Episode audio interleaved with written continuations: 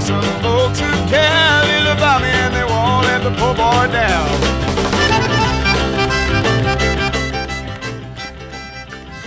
Bueno, launok, hemen gaude soinu gelan eta, bueno, ba, aste honetan Theme, eh, theme time eh, zera, ere muko saio izango dugu, bakizue, hartzen dugu gai bat, eta horretaz, edo aitzaki horrekin egiten dugu kantu aukeraketa bat. Eta gure gaurko gaia, whiskia herri kantuetan, horixe da. Egia esan, orain e, urte bete Bob Dylanek bere irrati zaio Theme Time Radio Hour berreskuratu zuen eta tal bakar bat egin zuen non whisky izan zuen ardatz berak e, aukeratu zituen kantuetan.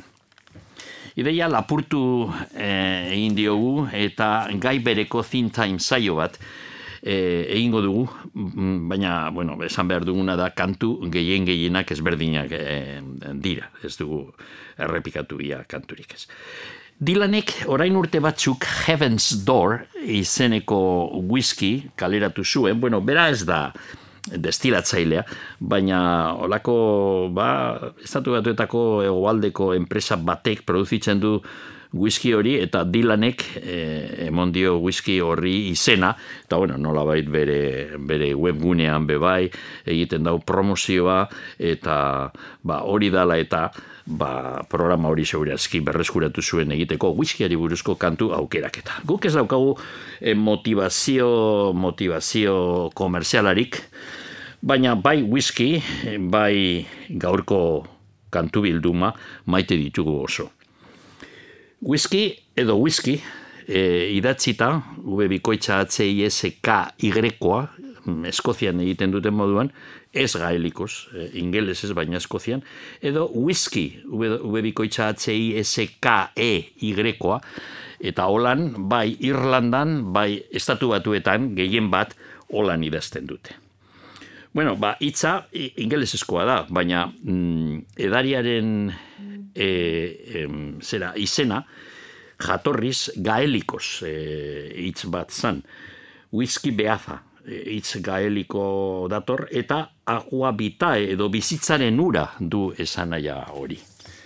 Bueno, egia esan gero ikusiko dugu kantuetan bizitzako ura bai, baina askor, askorentzat bizitzako ura baino ba e, zera, e, infernura joateko zera, bidea e, izin da e, ba, izue, eh? olako drogekin gertatzen gertatu aldana, ez da? Ba, neurri sartute izan aldagozua, baina hortik e, kanpora ba, izan alda arriskutsua.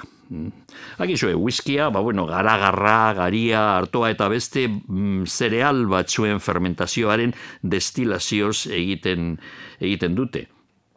Edori, e, edari alkolduna da, eh, edari gozo hau, eta gainera, bueno, ba, destilaziozkoa denez, mm, alkohol, e, zera, proporzioa haundia da, ba, whisky arrun batean berrogitik gonantz, baina, bueno, ba, gero komentatuko dugu inoiz historia egin dire askoz eh, indartxoak, askoz gogorragoak.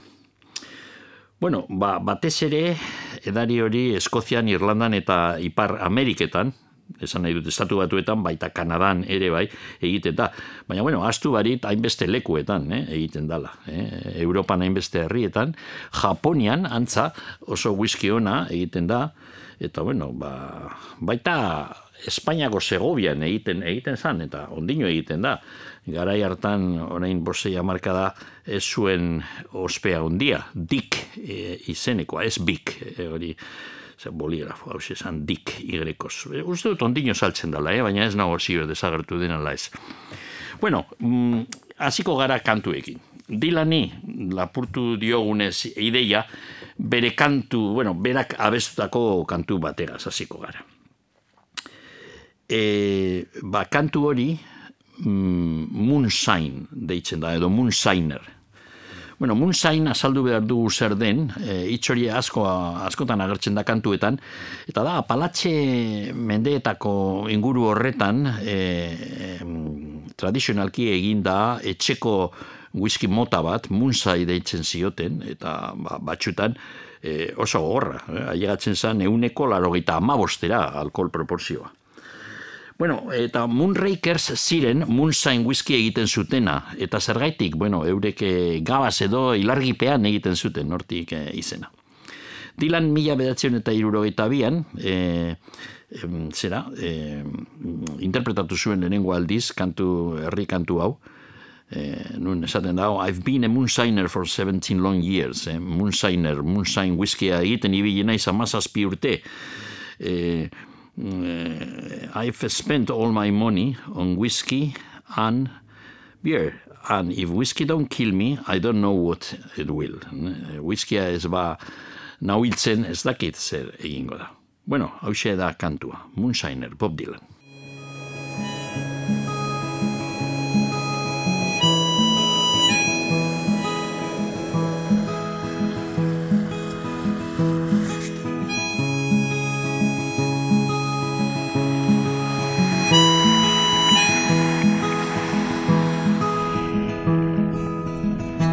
I've been a moonshiner for seventeen long years. I spent all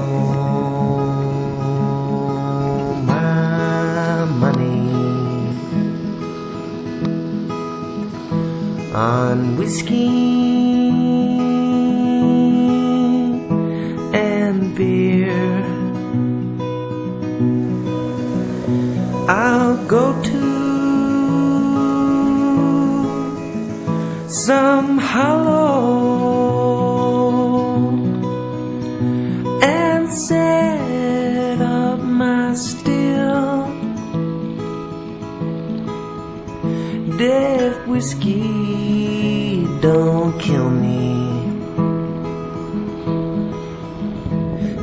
don't know what will. I'll go to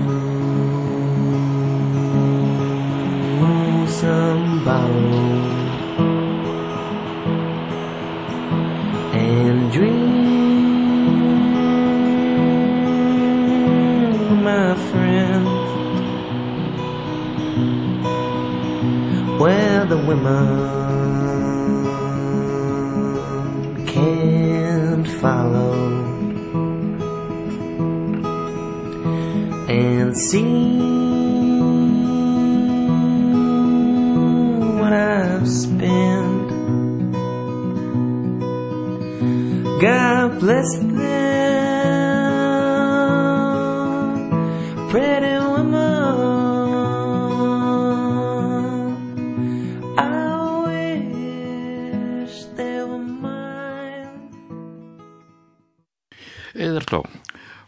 orain eh, kantu, kantu zahar bat. Eh, Charlie Poole, mila bederatzen eta oita marrean grabatu zuen. Bere taldea, The North Carolina Ramblers izan ziren. E, zera, mendietako musika egiten zuten eurek, hillbilly musika, eta kantu hau, mm, If the River Was Whiskey, mm, du izena. E, zera, ibaia whisky izango balitz, edo whiskya izango badu, ibaiak e, ba, oinarrituta dago WC Handiz Hesitating Blues eta berak mm, e, zera, herri kantuetatik hartu zuen doinua. Mila batzion eta amaseian grabatu zen lehenengo aldiz, e, zera, e, olako orkestra batek egin zauena, eta bueno, ba, bersioak e, The River Was Whiskey kantuarekin dauz eundaka. E, Jerry Garcia, Jenny Joplin, Led Belly, Willie Nelson, The Radiators, e, Irlandan, Louis Armstrong, e, Taj Mahal, orain gitsi hil Justin Towns Earl, Steve Earle semea, eta bar, eta bar. Eh? Eh, kantuan eh, esaten dago, if the river was whiskey and I was a duck, I'll dive in the bottom and I never come up. Beraz, eh, whiskya, eh, parkatu, eh, erreka, ibaia, eh, whiskikoa izango balitz, eta ni, eh, ahatea izango banu, ba, bertan joango nintzateke barrure eta inoiz ataratzeko kanpora. Hau da kantua, Charlie Pullen, If the River Was Whiskey.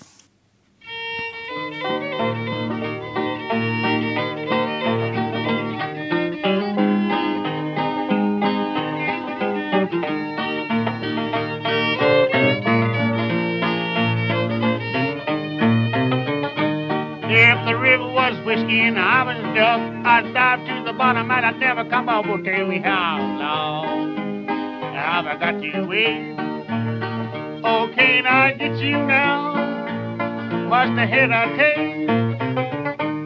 If the river was whiskey and the branch was wine, you could see me in bed bathing just any old time. Well, tell me how long have I got to wait? Oh, can't I get you now? Must have hit a take.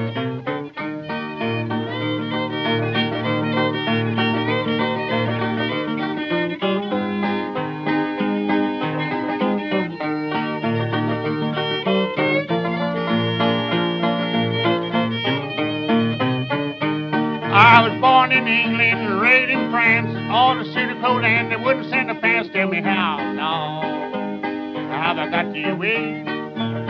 Oh, can't I get you now? Must have had a taste. I was born in Alabama, was raised in Tennessee. You don't like my peaches, don't shake on my tree. Oh, tell me how long have I got to wait? Oh, can't I get you now? Must have had a taste.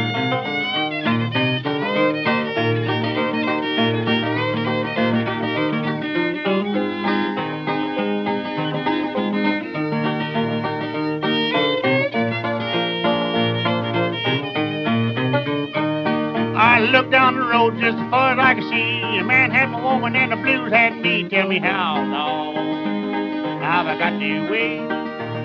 Oh, can't I get you now? Must have had a taste. I ain't no doctor, but the doctor's son. I can do the doctor tell the doctor come. Don't tell me how long have I got to wait?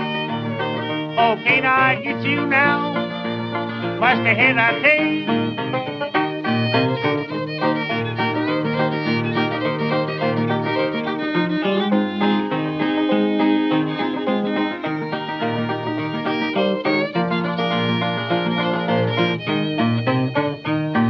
Got the hesitating stocking, the hesitating shoes. To be my Lord, I got the hesitating blues. Tell me how long have I got to wait?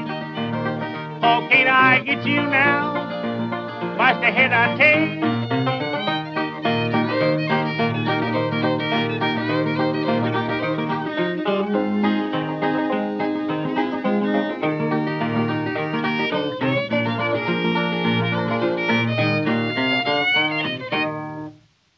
ba, gaurko mm, gaia kontutan hartute, gure zintzain gaurko gaia e, whiskiari buruzko kantuak izanik, e, kantu asko e, zera, estatu batuetatik, Irlandatik be bai, datoz, baina bueno, topatu ditu be bai, eh? kantu euskaldun batzuk eta beste zera mota batzuetakoa. Dena den orain, bueno, estatu batuetako egoaldean egon ziren e, egualdeko rock esparru horretako talde ononak eta Lainar Skynar, de, Lainar Skynar de agian izan ziren e, onenetakoak. Eurek eh, jatorriz Floridatik e, abiatu ziren musika egiten eta mila bedatzen eta irurogeita maseian e, zuzenean grabatu zuten, bueno, aurretik Nancy Nothing Fancy diskoan agertu zen kantua, baina One More for the Road, mila bedatzen eta irurogeita maseian grabatu zuten zuzeneko diskoan egin zuten kantu honen em, berzio sendoena. Whisky rock and roller deitzen da. Hemen daukagu, osea, musikari bat Memphisera joaten dala eta ba, whisky eta rock and roll dire bere e, bere motivazio handixenak. Hau da, whisky rock and roller.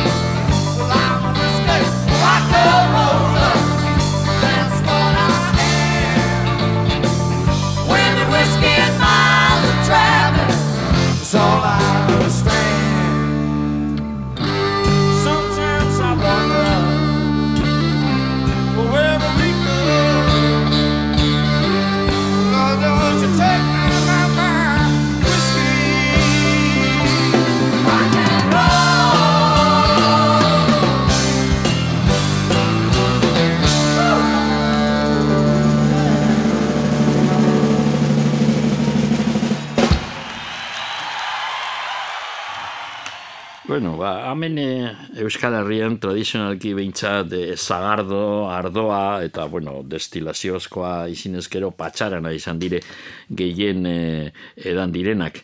Baina, bara, whisky beha agertzen da, Euskal Kantu ba, batzuetan, kostatu zaigu topatzea, baina, bueno, laguntzagaz be, hemen eh, Ebon Burgea, Josu Eba, Josu Zabala, ebi dire emetik estudiotik, eta, bueno, ba, pista batzuke eh, emon diete.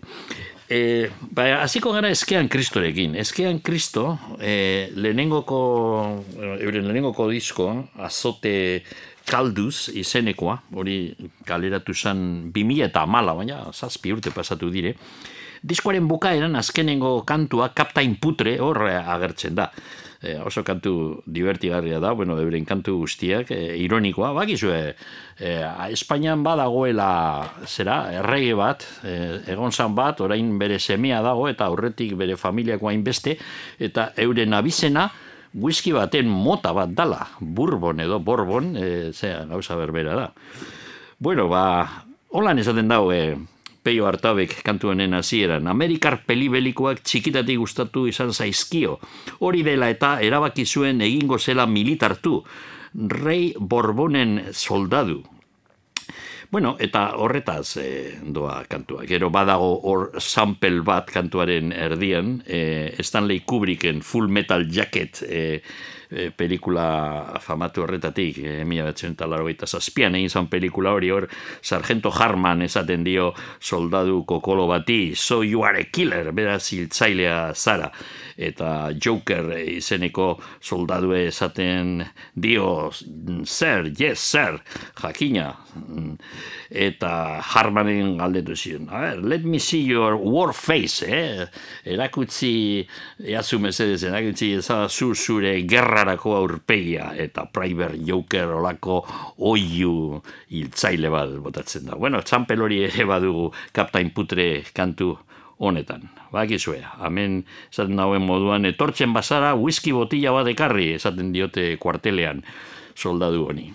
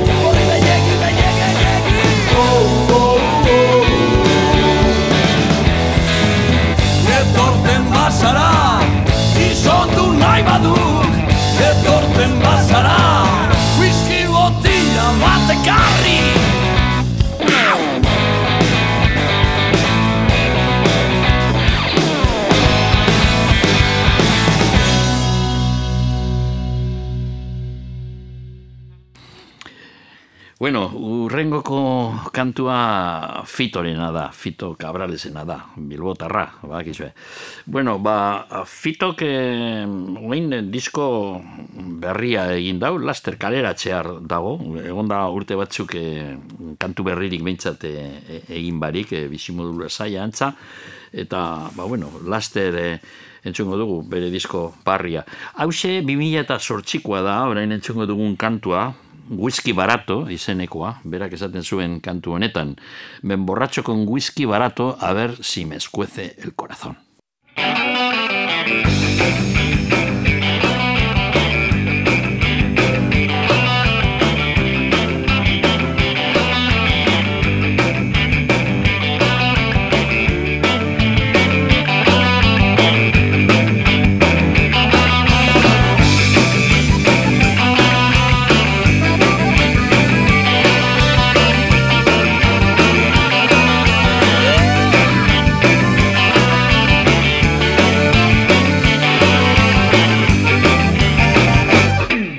No sirven las palabras, cuando se ha rajado la ilusión.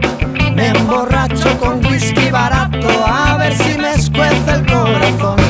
Quiero ser tan duro como el hierro, pero me derrito con tu olor. Quise hacer un cielo en el infierno, a ver si acertaba por error. Ya no queda nada entre tú y yo,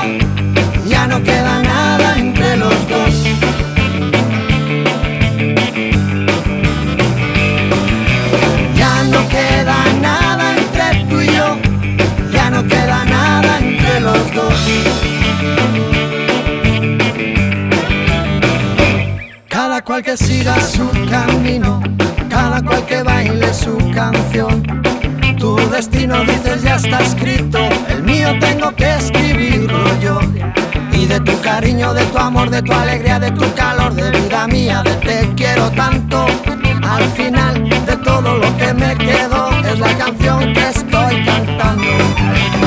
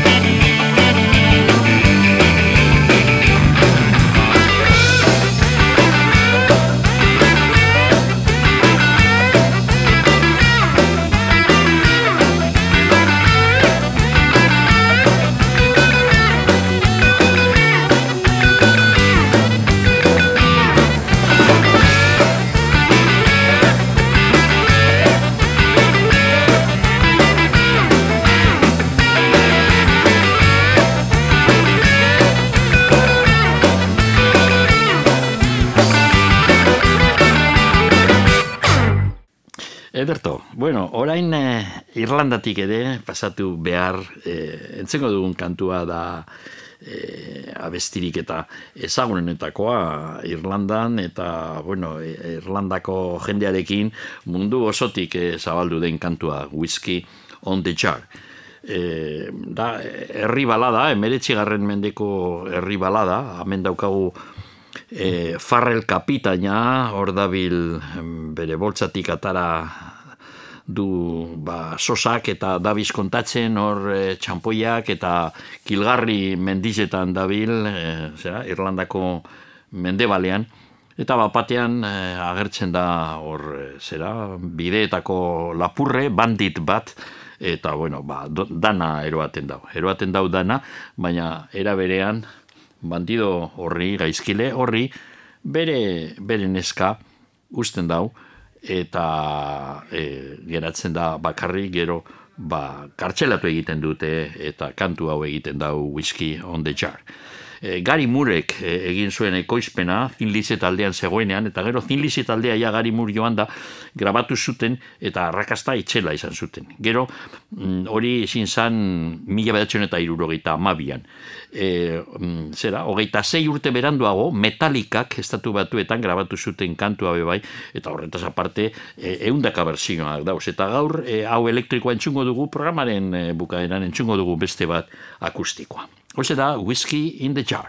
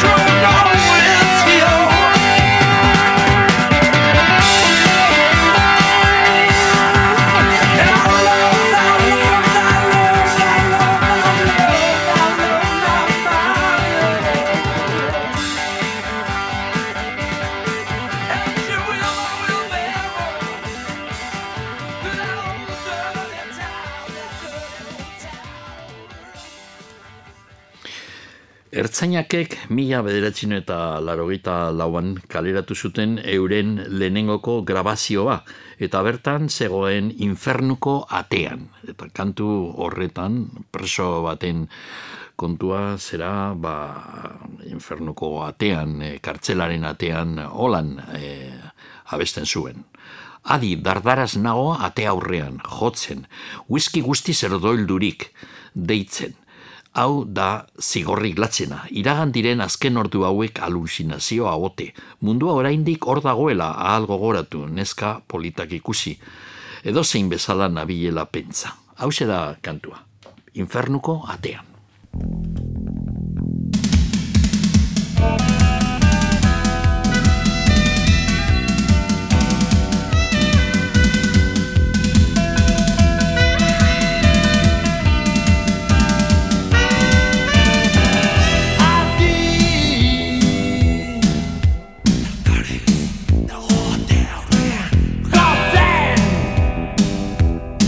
Whiskiz guzti zer doldurik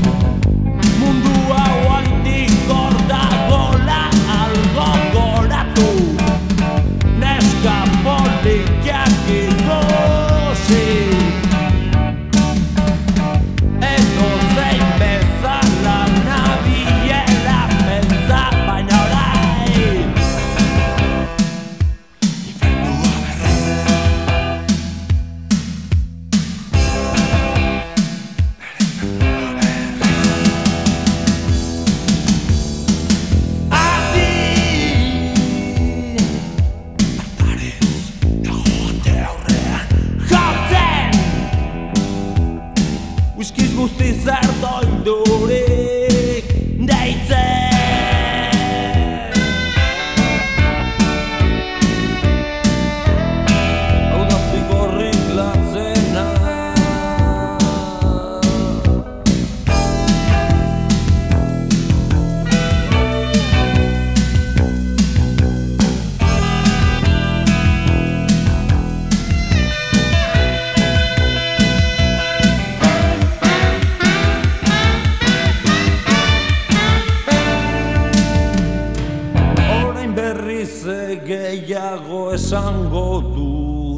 dut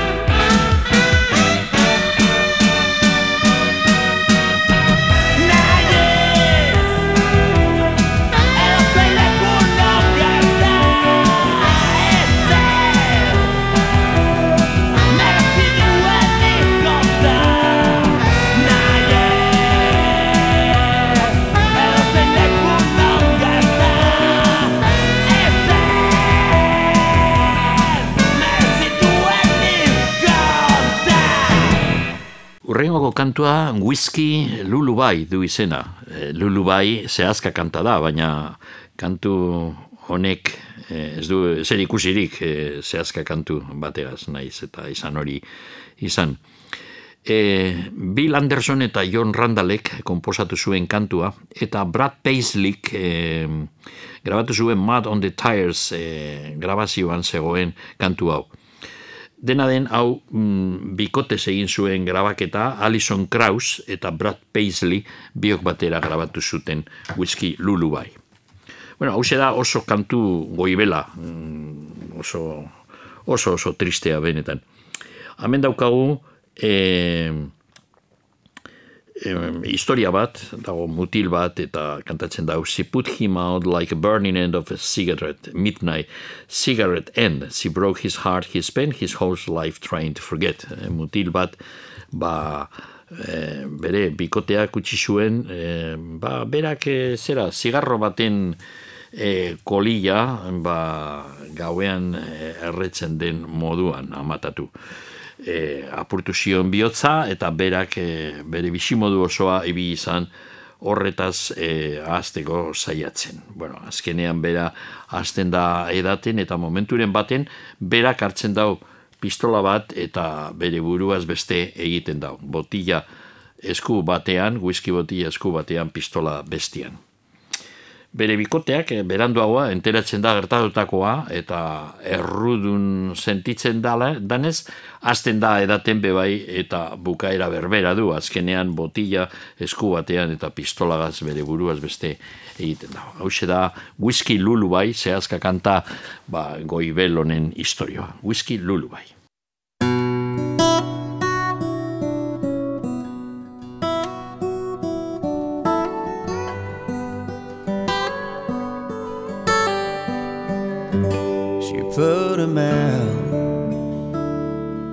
Like the burning end of a midnight cigarette.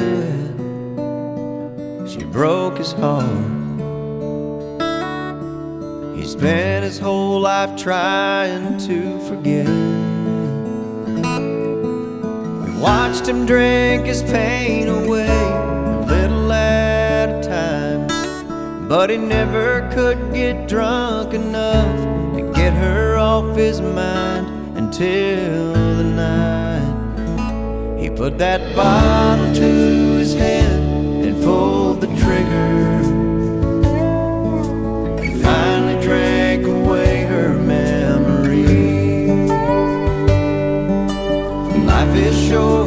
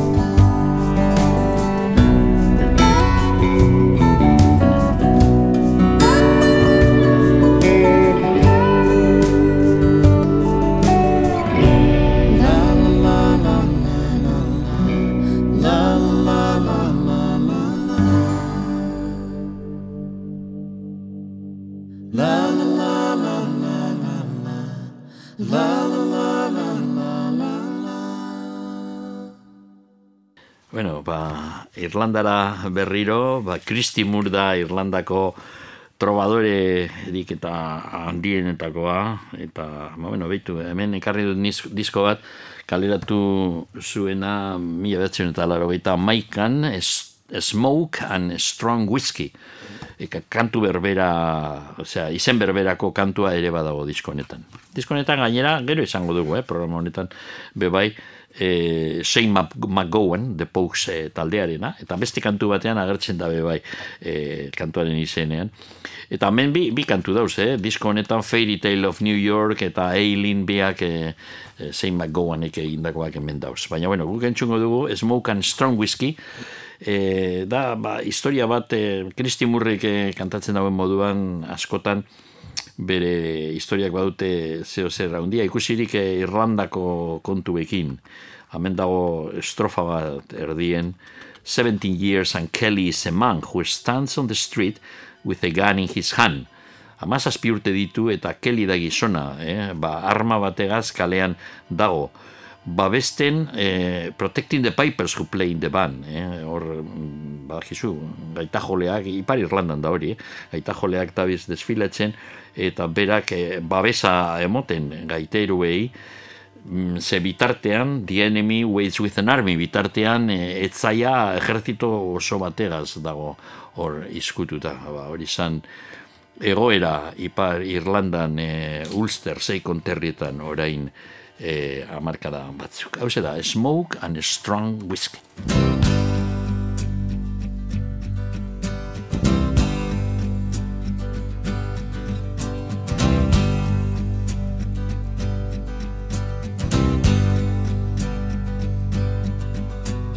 Kids wear garters, smell like their mothers, whose husbands and fathers alike drink black beer in the same public houses, smelling of smoke and strong whiskey.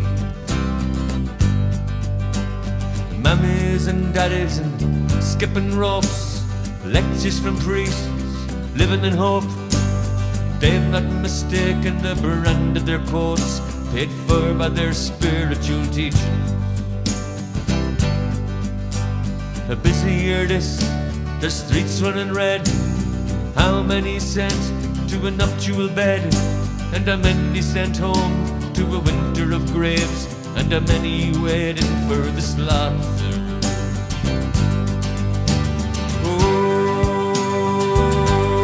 Oh, the holy ground.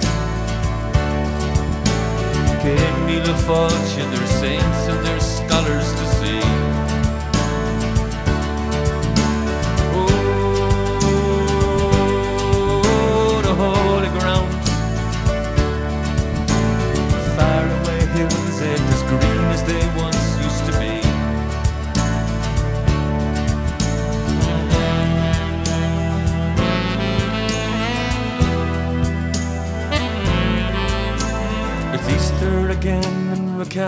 forget brothers and sisters and all that was said. So practice your pipes, stand proud and duet, for the eyes of the world are upon you. God in His mercy has given us men to lead us to peace, but they can't bring an end to the profits that pay off the lease of the land. We still send them over the water.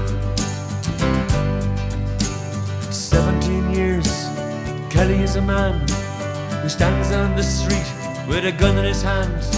He's protecting the pipers that play in the band while the enemy waits with an army.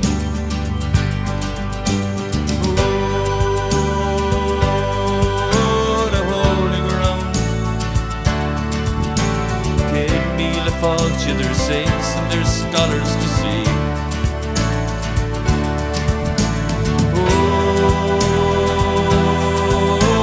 The holy ground.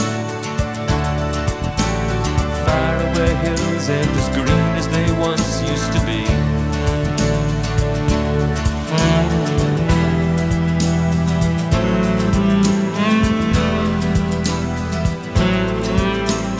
Deal a heron, subtly a empire, Dia Heron, suffer the loss at the green to the blue, while the media feeds on the blood and the pain and the hatred. Father walks home on the colourless night, and the organisation has blinded his sight. His wife and his kids are sleeping tonight in the arms of sweet Jesus and Mary.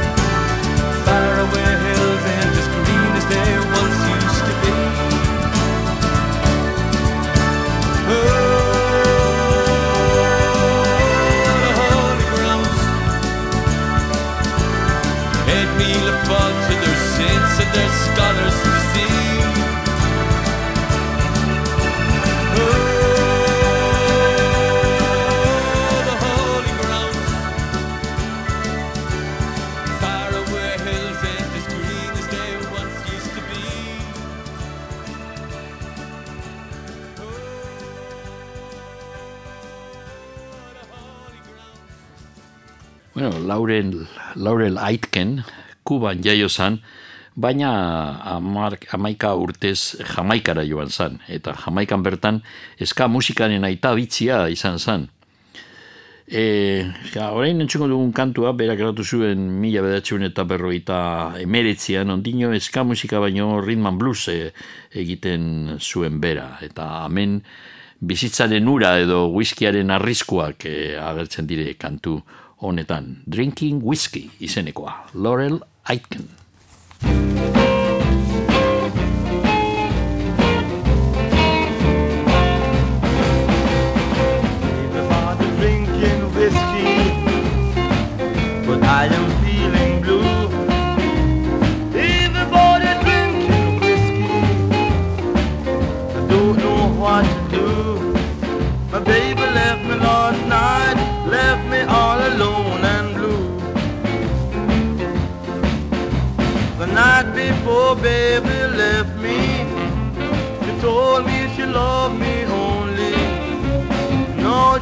Gonna leave me. Leave me in misery. Everybody feeling happy. I don't know what to do. Everybody feeling happy. But I'm so sad and blue. My baby left me, left me all alone and blue.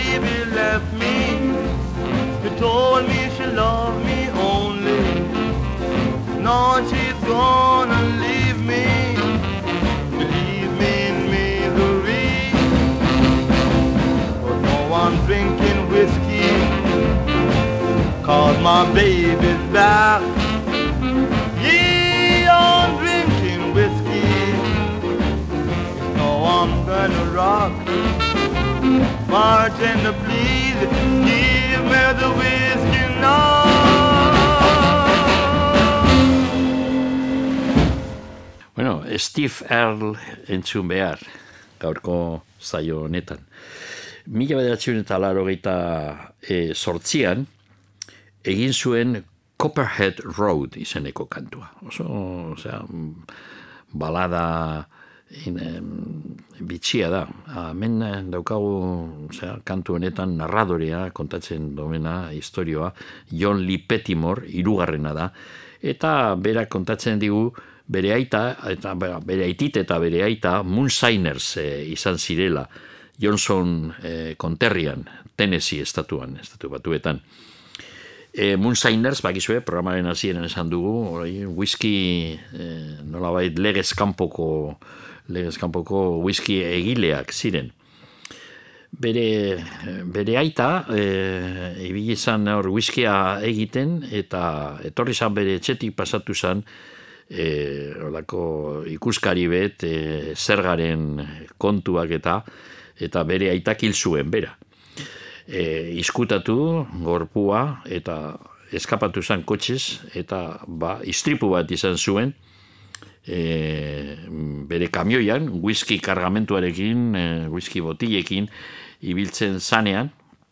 Hori dela eta gero bere semea ejertzituan sartu eta Vietnamera bidali zuten. Eta bi aldi zegoen zan, bakizu Vietnamen soldaduak egiten zuten e, e, iru hilabeteko uste dut izin zela txanda, txanda bat, gero bueltatzen ziren estatu batuetara, eta berriro agian gerrara. Ba, olako bi txanda egin zituen, eta bueltatu zanean, berak erabaki zuen, Moonshine e, whiskia egin baino, hobeto izango litzatekela bere, zera, lurraldean hor, bere belardietan, mm, zera, ba, produzitzea marihuana, eta hori egin zuen, eta gero, erabiltzen zuen bietkonekin, eh, edo bietkonen gandik ikasitako gerrarako, gerriarako teknikak, DEA, bakizue, Drug Enforcement Agency, hori estatu batuetan da, polizia berezi bat drogaren kontuetan ibiltzen dana, eta, ba, bueno, holan John Lee Pettimore irugarrena, lortzen zuen beti eskapatzea. Hau da historia, Copperhead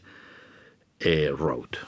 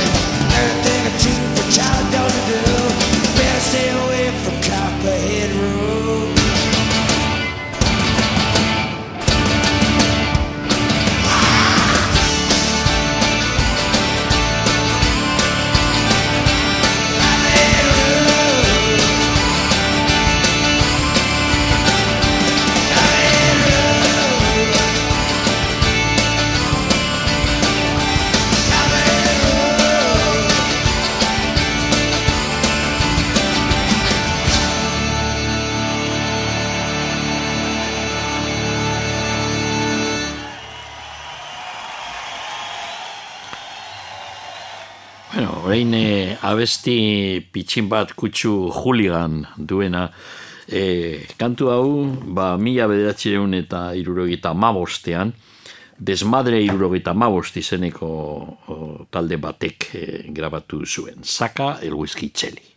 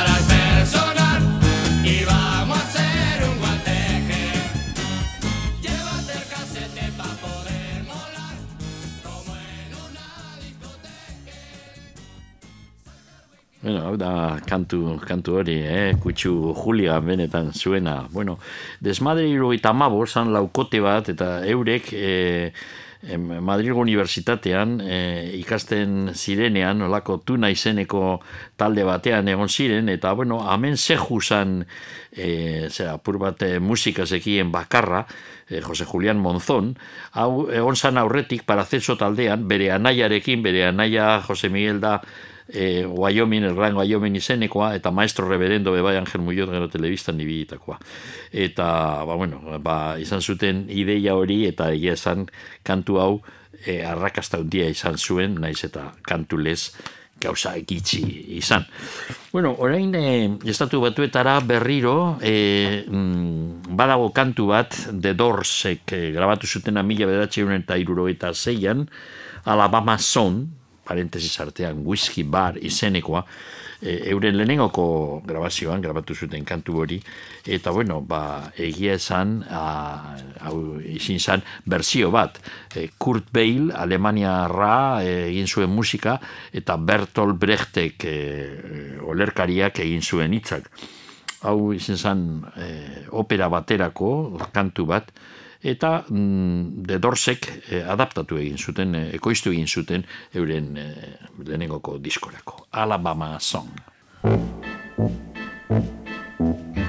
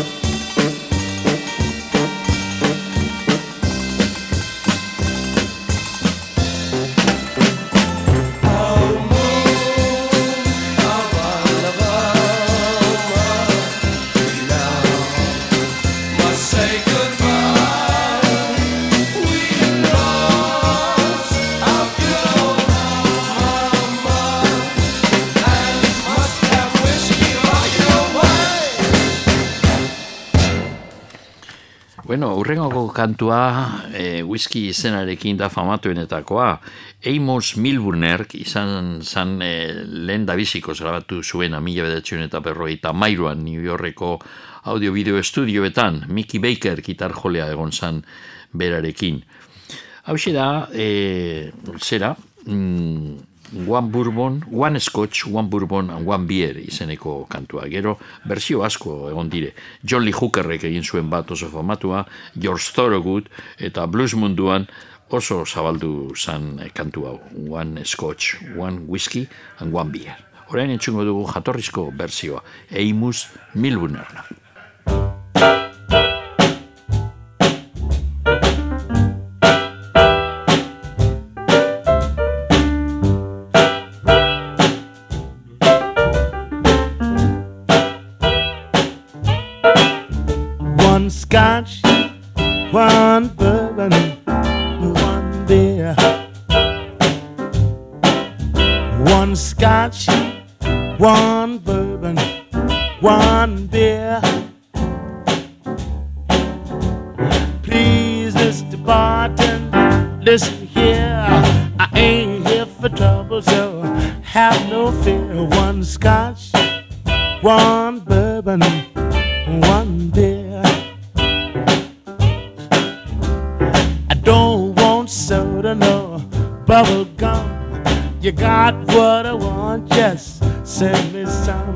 My baby's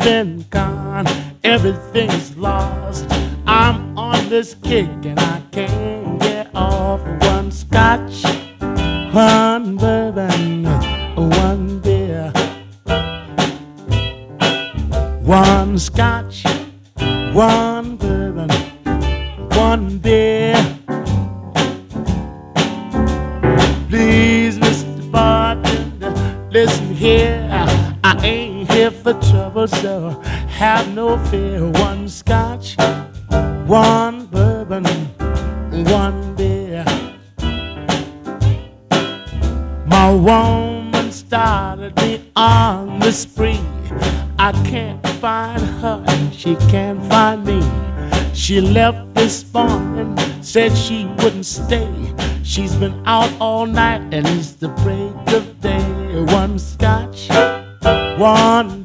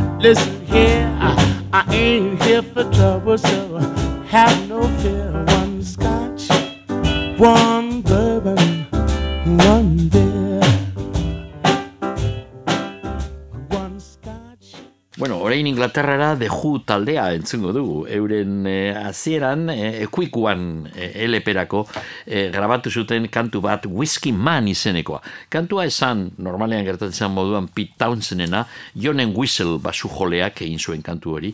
Ezin astu Jonen Whistle oso garrantzitsua zan talde honetan. Bera zan, bueno, ba, Josu Zabalagaz gertatzen zan moduan ertzainak taldean, basu jolea izanik bera zan nola bai bihotz musikala taldearena eta deju taldean berdin, eh? Jonen Whistle hor bigarren lerroan zegoen jotzen beti, baina berak zuen beti kontzeptua taldearen soinuarena. Bueno, kantu honetan berak esaten zauen arazoak zituen eh, R ahoskatzeko eta laguna friend esateko e, grabatzen zuen eta esaten zuen eh, fuent edo flent eta berak grabatu zituen biak eta nahaztu eta holan gutxi gora bera lortu zuen friend hitza ahoskatzea. Bueno, hemen daukagun historia da, osea, alkoholiko batena, hemen dago gizon bat e, edare profesionala, edari profesionala benetan, e, e, eta edale honek e, azkenean, bueno, berak du arazo bat, eta e, ja, bere paranoian e, pentsatzen dau berarekin dagoen pertsona bat, e, imaginatzen dauen ba, lagun bet eta berarekin dabil ber, beti berba egiten, eta momenturen baten eroaten dute e, olako osea, eritetze batera entzerratzeko eta hor bere ziegatxoan, hor dago badakizue olako ziega bat paretetan dauz e, akoltzaute moduko hausa batzuk berak e, kolpeak ezartzeko eta ziega hori hain txikia izanik berak kejatzen da ez dagoela lekurik berak imaginatzen duen lagun horretarako. Beraz, arazo bat du, ze ez dauka norekin berba egin. Hau da, Whiskey Man kantuaren historia.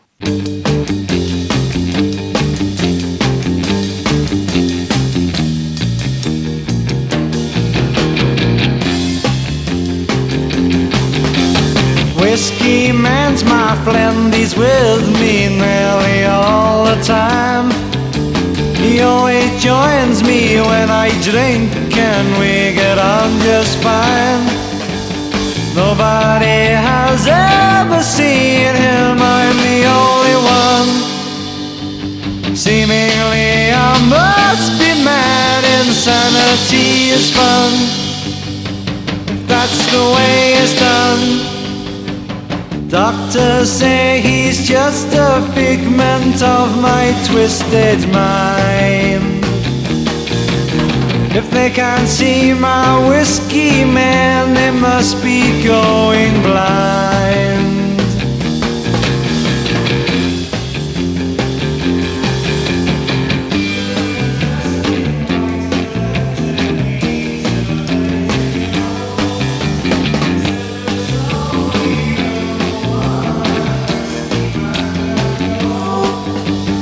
Whiskey man will waste away if he's left on his own. I can't even ring him cause he isn't on the phone. Hasn't got a home. Life is very gloomy in this little padded cell. It's a shame there wasn't room for Whiskey Man as well.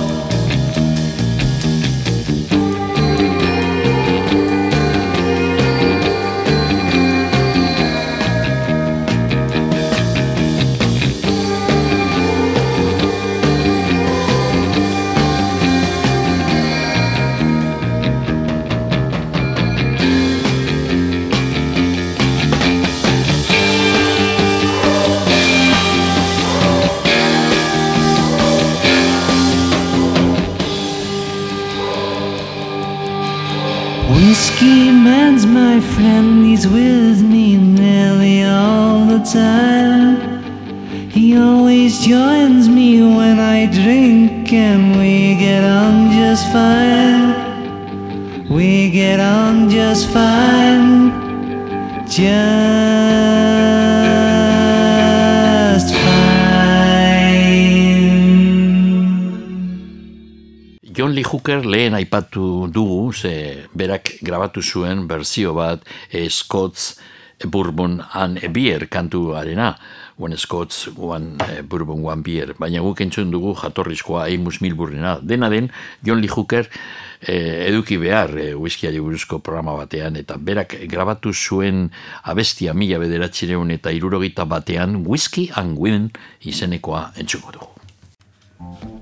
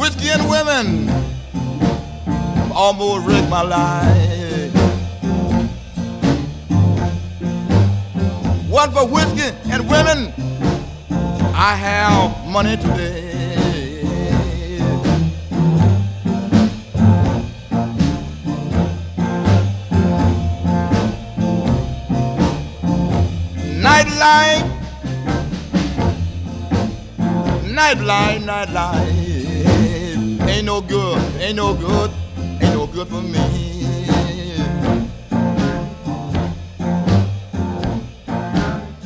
I had a good start, but women and whiskey they tore it down.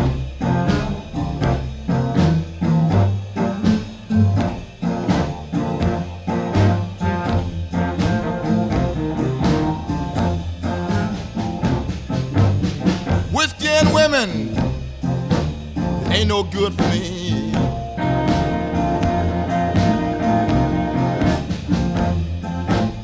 Whiskey and women ain't no good, ain't no good for me.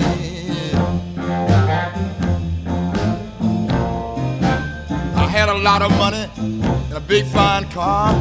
But I lost everything I had. Oh, but I did.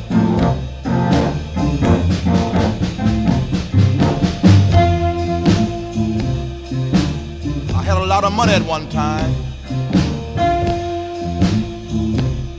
But nightlife and whiskey wrecked my life. But that's all right.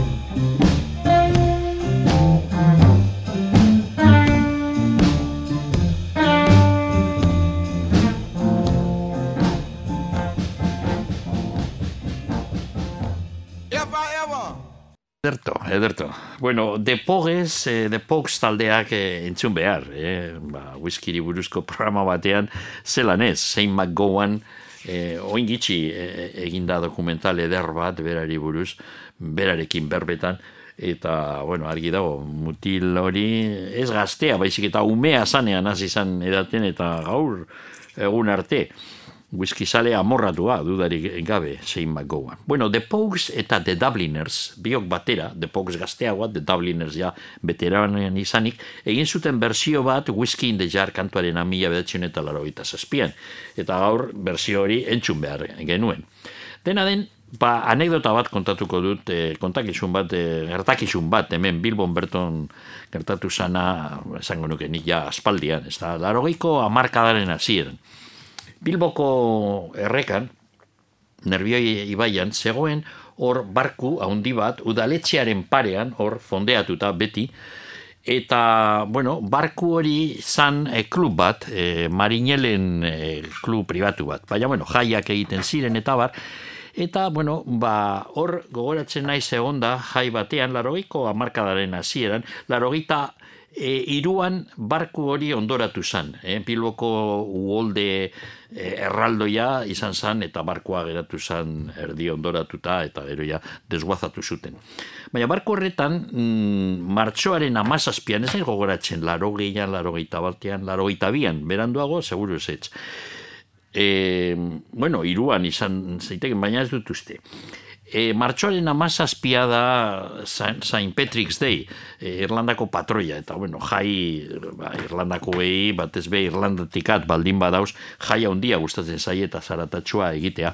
Gero jai hori askotan eginda gure kafean txokian, baina ja nahiko mm, bigundua esango nukenik. E, zera, barku horretan ez dakit zelan lortu zuen Irlandar e, batzuk hemen Bilbon inguruan bizi zirenak e, baimena izeteko edo itzi zieten barku hori egiteko jai hori, St. Patrick's e, Day jaia. Eta hor egon ginen eundaka pertsonak eta, bueno, ba, whisky botillak ez dakit, baina nik esango nuke batez bestekoa, gutxienez botilla per jet, izango litzateke hor neurria. Eta ja oso berandu, ba, ez dakit lauretan edo bostetan ja desmadre handia zegoen, ba, nik ez dut barku osoa fondiatuta zegoen ja, hasi izan mugitzen. Eta bueno, kantu hau ezinbestekoa zan horrelako jaietan, whisky in the jar, bi Irlandar eta are gehiago dozenaka edo eundaka egun horretan gertatu zen moduan batzen badire e, jotzen, e, kantatzen dute eta gero badago kantuaren momentu bat eta momentu horretan e, zera, eskuekin jotzen da mailan edo nun baiten eta bo, kriston zarata egiten da ba, hori gertatu zen e, egun horretan nik uste dut damutu egin ziren eh, nahikotxo marinelak e, usteagatik Irlandakoei jai hori egiteko. Bueno, hause da kantua. Whiskey in the Jar, The Pogues and the Dubliners, batera.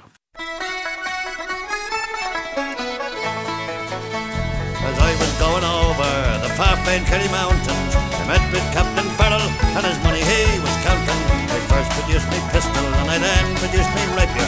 Sing, stand and deliver, for I am the boldest saber. Muster, ring, dum, doo. Whack for the daddy-o, whack for the daddy-o, there's whiskey in the counted out his money, it made a pretty penny. I put it in my pocket and I took it home to Jenny. Sighed and she swore she never would deceive me. But the devil take no women for it, it never can be easy. Ring, dum, doo, dum, dum. Whack for daddy-o, whack for the daddy-o, there's whiskey in the jar. I went up to my chamber, all for to take a slumber. I dreamt of gold and jewels, on sure it was no wonder. But Jenny threw me charges and she filled them up with water and sent for Captain Farrell to be ready for the slaughter. Wash a ring of a doo of a da. Whack daddy o, whack wall a daddy o, there's whiskey in the jar.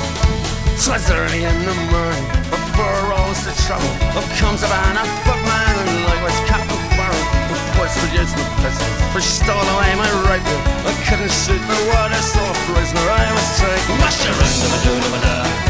Whack wall a daddy o, whack wall a daddy o, there's whiskey in the jar.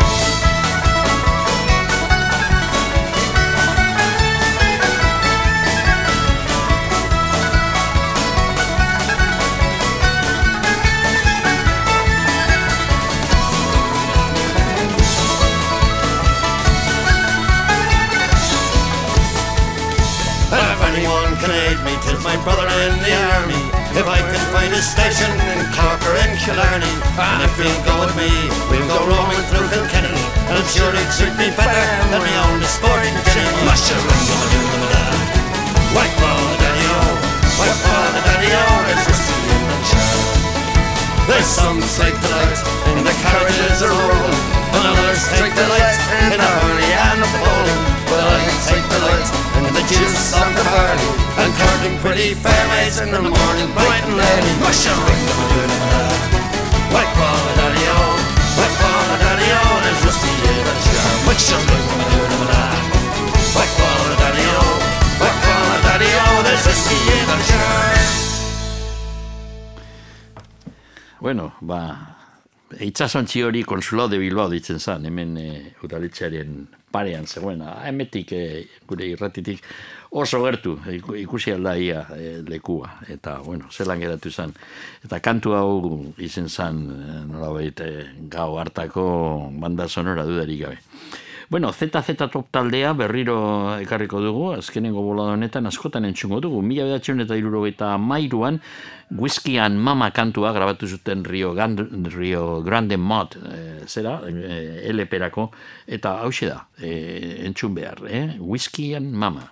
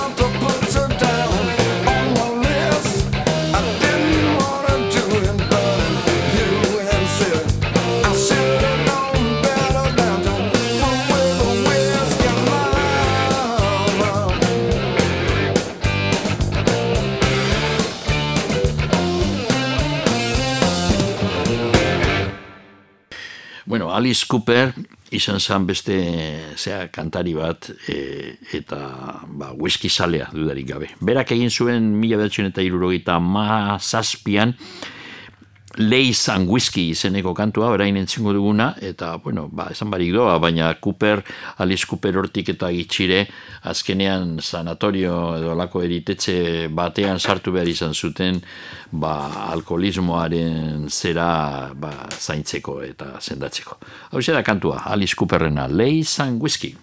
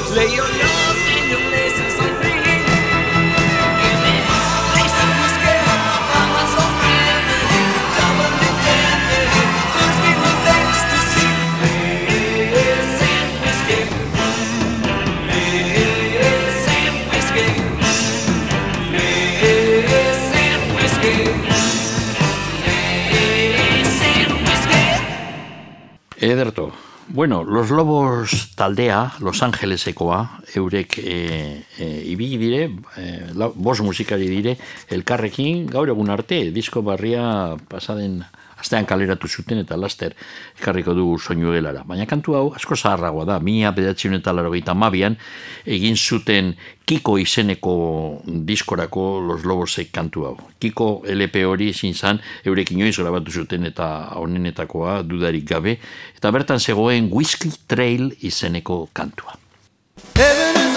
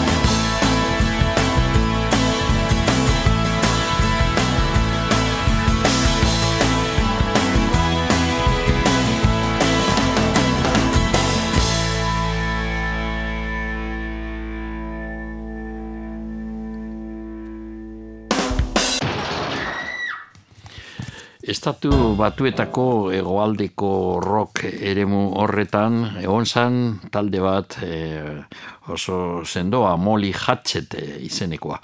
Flirting with Disaster LP-an, mila bedatzen eta irurogeita be, eh, bederatzien, eh, kaleratu zuten Whiskey Man izeneko kantua.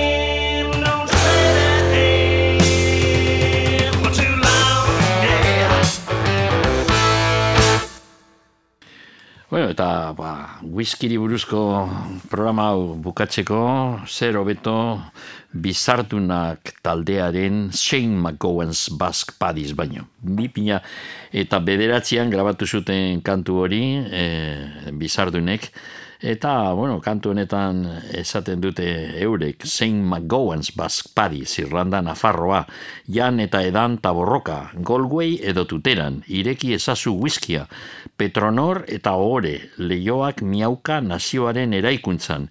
Erresuma futbol zelaia da orain, gure burua baloia, zaplasteko ugari entzungo dire errespetuaren izenean. Off, mekauen dios, poj motoin, putos alusikinak. Hau da, bizardunak. Ahí va, ahí va, ahí va.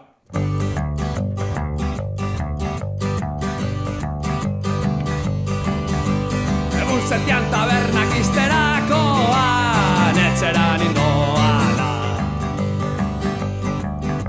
Botila bat puskatuta poliziarekin iskabila Estatzen tripia parlamentaria Sentitu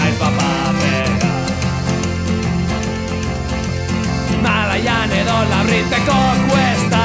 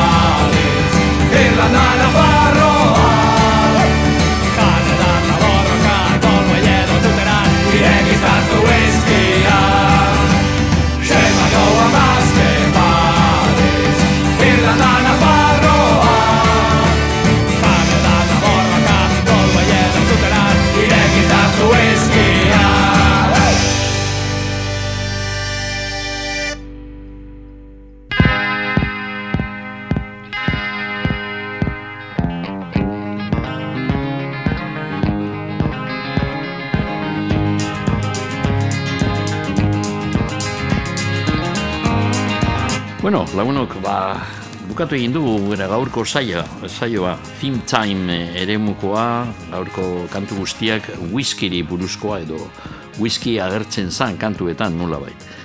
Eta jotzaile asko izan ditugu gaur Bob Dylan, Charlie Poole, Leonard Skinner, Eskean Cristo, Fito, Thin Lizzy, Alison Krauss, Christy Moore, Laurel Aitken, Steve Earle, Desmadre Irroita Mavos, The Doors, Amos Milburn, Ertzainak, eh, The Who, John Lee Hooker, The Pogues, Gay, The Dubliners, Set Set Top, eh, Alice Cooper, Los Lobos, Molly Hatchet eta bukatzeko bizartunak. Hau izin da dana, ba, datorren astean berriro egongo gara, amen, soinu gela honetan. Agur eta ondo ibile.